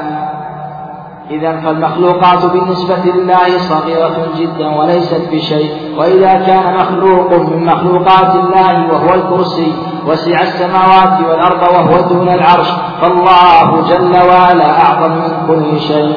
وقوله ولا يؤوده حفظهما أي لا يشق عليه سبحانه ولا يثقله ولا يكرثه حفظ السماوات والأرض وحمايتهما من الفساد والتغير وإمساكهما ويمسك السماء أن تقع على الأرض إلا بإذنه وقوله رفع السماوات بغير عمد ترونها وقوله إن الله يمسك السماوات والأرض أن تزولا والله سبحانه ليس محتاجا إلى السماوات والأرض ولا إلى العرش ولا إلى الكرسي وليس محتاجا إلى المخلوقات وإنما مخلوقاته هي المحتاجة إليه سبحانه وتعالى. وقوله وهو العلي بذاته وقدره وقهره فوق عباده العظيم الجامع لصفات العظمة والكبرياء. فهذه الآية اشتملت على أنواع التوحيد الثلاثة. عقد المصنف رحمه الله تعالى ترجمة تاسعة في بيان اشتمال آية الكرسي على أنواع التوحيد الثلاثة وإنما خصها بالذكر دون غيرها من الآيات لأنها أعظم آية في كتاب الله كما ثبت عند البخاري من حديث أبي سعيد بن المعلى رضي الله عنه. وهذه الآية تشتمل على ربوبية الله وعبادته وعلى أسمائه وصفاته. جمع الله فيها بين النفي والإثبات. والمراد بالنفي نفي النقائص والعيوب التي لا تليق به عنه سبحانه وتعالى. والمراد بإثبات الكمال له سبحانه وتعالى أي إثبات ما يليق به سبحانه وتعالى. ثم بين المصنف رحمه الله تعالى وجه ذلك فذكر أن صدر الآية وهو الله لا إله إلا هو متضمن لتوحيد الألوهية فمعناها لا معبود بحق إلا هو. ثم ذكر الله توحيد الربوبية فيها بقوله الحي القيوم وفي هذا إثبات الحياة والقيومية لله وهما من جملة الأسماء والصفات. لكنهما يتعلقان بفعله عز وجل ولذلك جعلهما المصنف دالان على توحيد الربوبية لأن معنى قيوميته سبحانه وتعالى قيامه بنفسه وقيامه على غيره فكل ما سواه مفتقر محتاج إليه عز وجل وهذا هو معنى الربوبية. ثم ذكر في النفي قوله تعالى لا تأخذه سنة ولا نوم والسنة هو والسنة هي مقدمة النوم من النعاس وشبهه. وهذا من جملة نفي العيوب والنقائص عنه. ثم قال له ما في السماوات وما في الأرض وفي هذا إثبات الربوبية. ثم قال من ذا الذي يشفع عنده إلا بإذنه فلا يشفع أحد عنده إلا بإذنه. وهذا فيه إثبات كمال ملك الله سبحانه وتعالى وهو من ربوبيته. ثم قال يعلم ما بين أيديهم وما خلفهم وهذا إثبات كمال علم الله عز وجل بالخلق في الماضي والحاضر والمستقبل. ثم قال ولا يحيطون بشيء من علمه إلا بما شاء وهذا نفي علم الخلق للغير إلا بما يشاءه الله عز وجل من إطلاعه لهم عليه كما قال الله عز وجل وما كان الله ليطلعكم عن الغيب ولكن الله يجتبي من رسله من يشاء أي فيطلعهم على ما شاء من غيبه سبحانه وتعالى. ثم ذكر معنى قوله وسع كرسيه السماوات والأرض وهو أن الكرسي مخلوق من مخلوقات الله. وقد ثبت عن ابن عباس وأبي موسى رضي الله عنهما أن الكرسي موضع قدمي الرب سبحانه وتعالى وهو مخلوق عظيم سعته السماوات والأرض كما في الآية. ومن مبلغ عظم خلقه أن السماوات والأرض بالنسبة إليه كسبعة دراهم ألقيت في فلاة وأن الكرسي في العرش كحلقة حديد ألقيت في أرض فلاة وهاتان الجملتان رويتا في أحاديث ضعيفة لا تصح. والآية من سورة البقرة وسع كرسيه السماوات والأرض كافية في الدلالة على عظم خلق الكرسي. وأما الأحاديث المتضمنة للجمل التي ذكرها المصنف ففيها ضعف. وقد فسر الترس بأنه صحن كبير وهذا على إرادة التشبيه. وإلا فالترس آلة من آلات الحرب.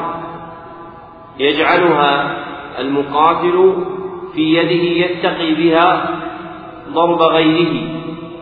وهو على هيئة الصحن ففسره المصنف بذلك. ثم ذكر معنى قوله سبحانه وتعالى ولا يؤوده حفظهما أي لا يشق عليه ولا يثقله ولا يكرهه ولا يكربه. فلا تلحقه سبحانه وتعالى مشقة ولا ثقل في حفظ السماوات والأرض بل هو سبحانه وتعالى يحفظها لكمال قدرته وسلطانه. ثم ذكر معنى قوله تعالى وهو العلي بقوله بذاته وقدره وقهره. وقسمة العلو إلى هذه الأنواع الثلاثة وهي علو الذات والقدر والقهر مذهب مشهور. والمختار أن علو القهر راجع إلى علو القدر لأن القهر صفة من صفات الله عز وجل. والله عز وجل يقول ولله المثل الأعلى أي الوصف الأعلى ومن جملة وصفه الأعلى علو قهره المندرج في علو قدره. فالعلو راجع إلى نوعين اثنين هما علو الذات والقدر. وأما القهر ففرد من أفراد علو القدر. ثم بين معنى العظيم وهو أنه الجامع لصفات العظمة والكبرياء. فهذه الآية اشتملت على أنواع التوحيد الثلاثة. وللعلامة ابن عثيمين جزء مفرد في تفسير هذه الآية بين فيه بيانا واضحا معانيها المتعلقة بالتوحيد وقد تقدم إقراؤها في برنامج الدرس الواحد الأول أو الثاني. نعم. عاشرا التوحيد في سورة الكافرون والإخلاص في القرآن الكريم سور اختصت بتوحيد الألوهية مثل قل يا أيها الكافرون. لا أعبد ما تعبدون ولا أنتم عابدون ما أعبد ولا أنا عابد ما عبدتم ولا أنتم عابدون ما أعبد. لكم دينكم ولي دين. هذه السورة مخصصة لتوحيد الألوهية توحيد العبادة وسبب نزولها هو أن المشركين طلبوا من النبي صلى الله عليه وسلم أن يعبدوا ربهم سنة وهو يعبد آلهتهم سنة فأنزل الله هذه السورة في البراءة من عبادة الأوثان وتخصيص الله جل وعلا بالعبادة وقوله لا أعبد ما تعبدون كبر هذه الجملة للتأكيد وقوله لكم دينكم ولي دين هذا من باب البراءة. من باب البراءة وتييس المشركين من هذا الطمع. وفي القرآن أيضا صور خاصة بتوحيد الربوبية والأسماء والصفات هي سورة الإخلاص. قل هو الله أحد الله الصمد لم يلد ولم يولد ولم يكن له كفوا أحد. فيها نفي وفيها إثبات. نفي النقائص عن الله وإثبات صفات الكمال له سبحانه وتعالى كما في آية الكرسي وهذه السورة خالصة في صفات الله عز وجل. ولهذا جاء أن صحابيا كان يكثر قراءة هذه السورة فسئل عن ذلك فقال إني أحبها لأنها صفة الرحمن. فبلغ ذلك النبي صلى الله عليه وسلم فقال أخبروه أن الله تعالى يحبه. ذكر المصنف حفظه الله ترجمة عاشرة تندرج في هذا الدرس. بين فيها أن في القرآن الكريم سورا اختصت بتوحيد الألوهية أو الربوبية والأسماء والصفات. ومن ذلك سورة الكافرون فإنها اختصت بتوحيد الألوهية. وذكر ما جاء في سبب نزولها وهو أن المشركين طلبوا من النبي صلى الله عليه وسلم أن يعبدوا ربه سنة وهو يعبد آلهتهم سنة. وهذا شيء روي فيه حديث عن ابن عباس بإسناد لا يصح. ورويت مراسيل دونه. لا تقوى على القول بثبوت الحديث فهو حديث ضعيف لا يثبت. وسياق الآية كاف في الدلالة على أن وسياق السورة كاف في الدلالة على أنها مفردة في توحيد الألوهية.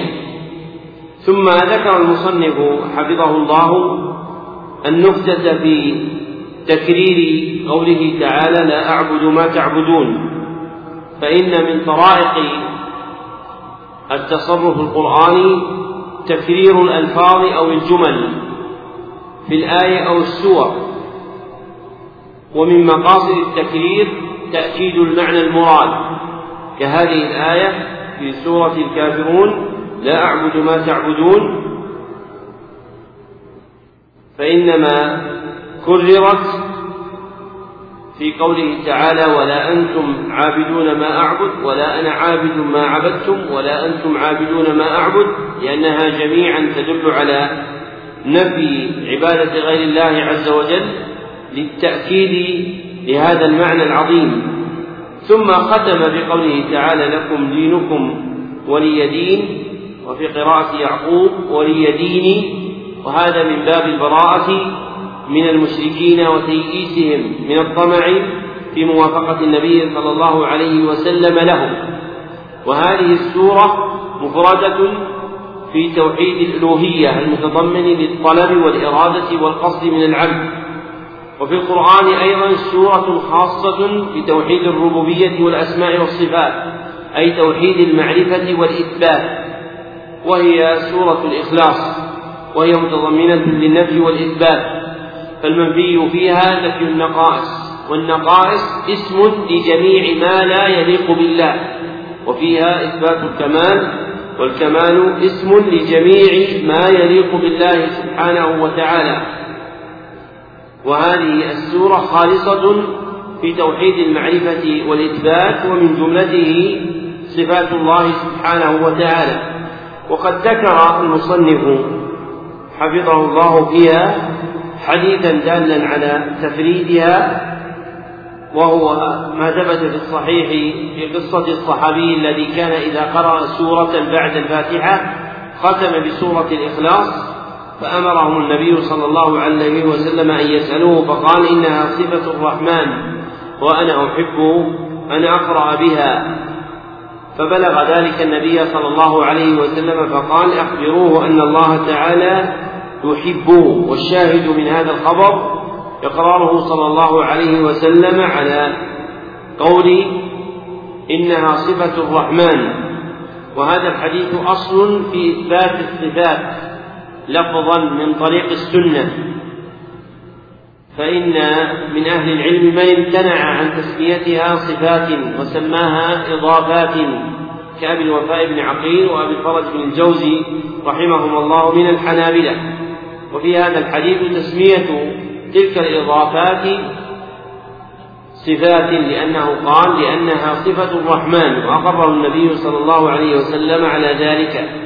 وزعم أبو محمد بن حزم رحمه الله أن هذا الحديث المخرج في الصحيح ضعيف وهو من مجازفاته فإن هذا الحديث حديث لا مطعن في إسناده. نعم.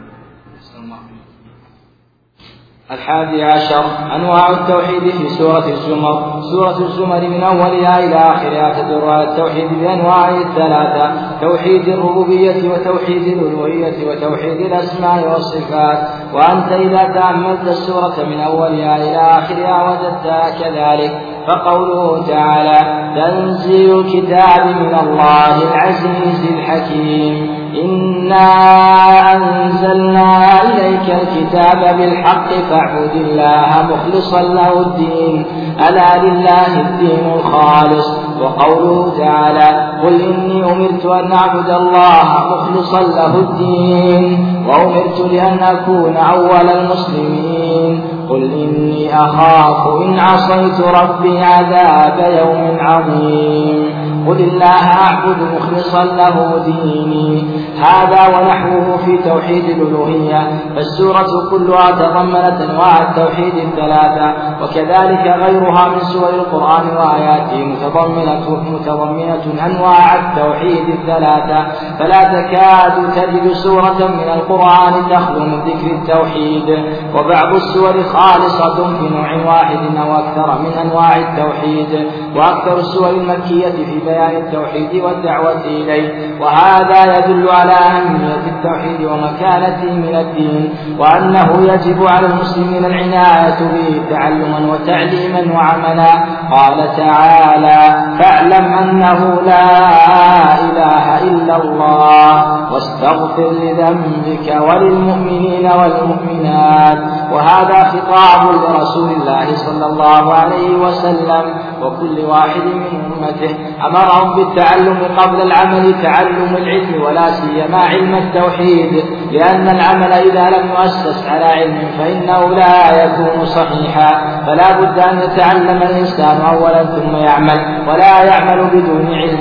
ولذا قال سبحانه وتعالى إلا من شهد بالحق وهم يعلمون. شهد بالحق يعني نطق بلسانه وقال لا إله إلا الله وهم يعلمون. ما يشهدون به من معنى هذه الكلمة ومقتضاها وما تدل عليه ويعملون بها بعد العلم والمعرفة.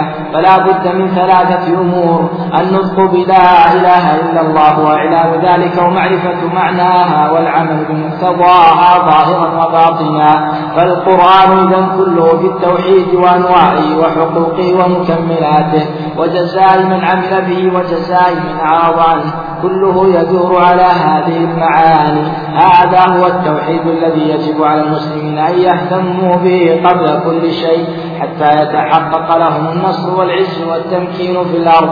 فهذه الأمور لا تتحقق إلا بتحقيق التوحيد الذي خلق الله الخلق من أجله وأمرهم به من أولهم إلى آخرهم. فكيف يهون فكيف يهون من شأن التوحيد؟ فيقع الناس الآن في مشكلات المسلمون في ضيق وفي مضايقة من الأعداء. يجب أن يعلم أن أعظم قضايا المسلمين هو الإتيان بالتوحيد فتجب العناية به قبل كل شيء وأن نخلص الناس من الجهل بالتوحيد ونخلصهم من الشرك والبدع والخرافات حتى يتحقق لهم النصر كما تحقق لمن كان قبلهم من قرون هذه الأمة الذين حققوا التوحيد قولا وعملا قولا وعلما وعملا فمكن الله لهم في الأرض كما في قوله تعالى وعد الله الذين آمنوا منكم وعملوا الصالحات ليستخلفنهم في الأرض كما استخلف الذين من قبلهم وليمكنن لهم دينهم الذي ارتضى لهم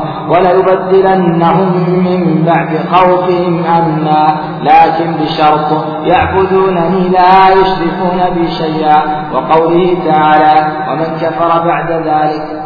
يعبدونني لا يشركون بي شيئا ومن كفر بعد ذلك فأولئك هم الفاسقون أي الخارجون عن طاعة الله عز وجل. هذا هو التوحيد وهذه أنواعه وهذه أهميته وهذه دلالة القرآن عليه.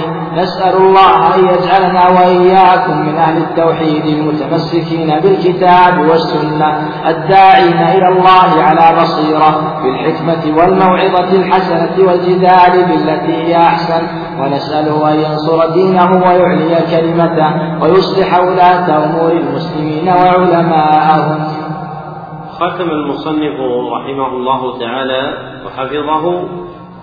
هذا الدرس ببيان أن سورة الزمر اشتملت على أنواع التوحيد الثلاثة توحيد الربوبية والألوهية والأسماء والصفات.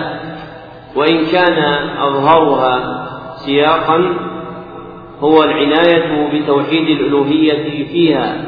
كما قال تعالى فاعبد الله مخلصا له الدين. وما كان في معنى هذه الآية من آيات السورة. ثم رجع المصنف حفظه الله إلى تأكيد أن القرآن متضمن لأنواع التوحيد الثلاثة. وبعض سوره خالصة في نوع منه وأكثر الصور المكية متمحضة في بيان التوحيد والدعوة إليه. وهذا يدل على أهمية التوحيد ومكانته من الدين وأنه يجب على المسلمين العناية به تعلما وتعليما وعملا. كما قال تعالى فاعلم أنه لا إله إلا الله. الآية وهذا خطاب للرسول صلى الله عليه وسلم ولأمته جميعا.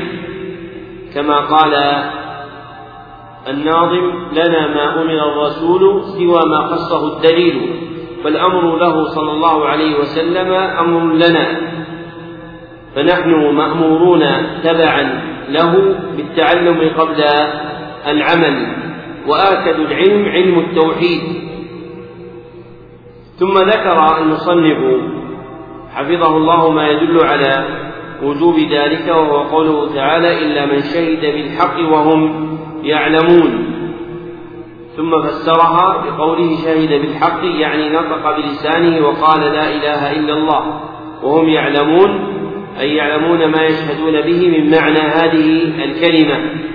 وإنما فسرها على هذا المعنى لأن الشهادة لفظ موضوع في لسان العرب للدلالة على العلم والخبر والاطلاع التام. ومقتضى ذلك أن تجتمع ثلاثة أمور. أحدها النطق بلا إله إلا الله وإعلان ذلك. وثانيها معرفة معناها أي اعتقادا. وثالثها العمل بمقتضاها ظاهرا وباطنا.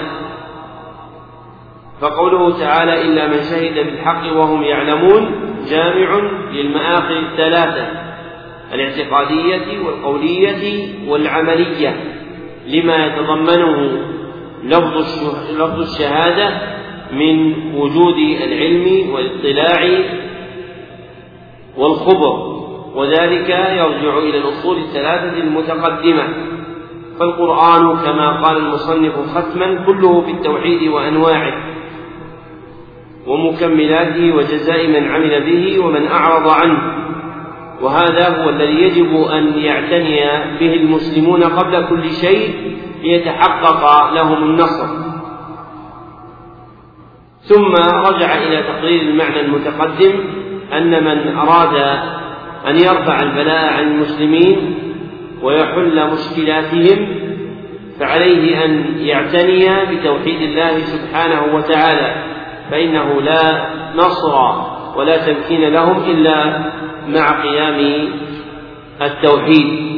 وهذا آخر البيان على هذه الجملة من الكتاب وبها نختم درس الفجر ونستكمل بقية الكتاب إن شاء الله تعالى في درسي العصر والعشاء.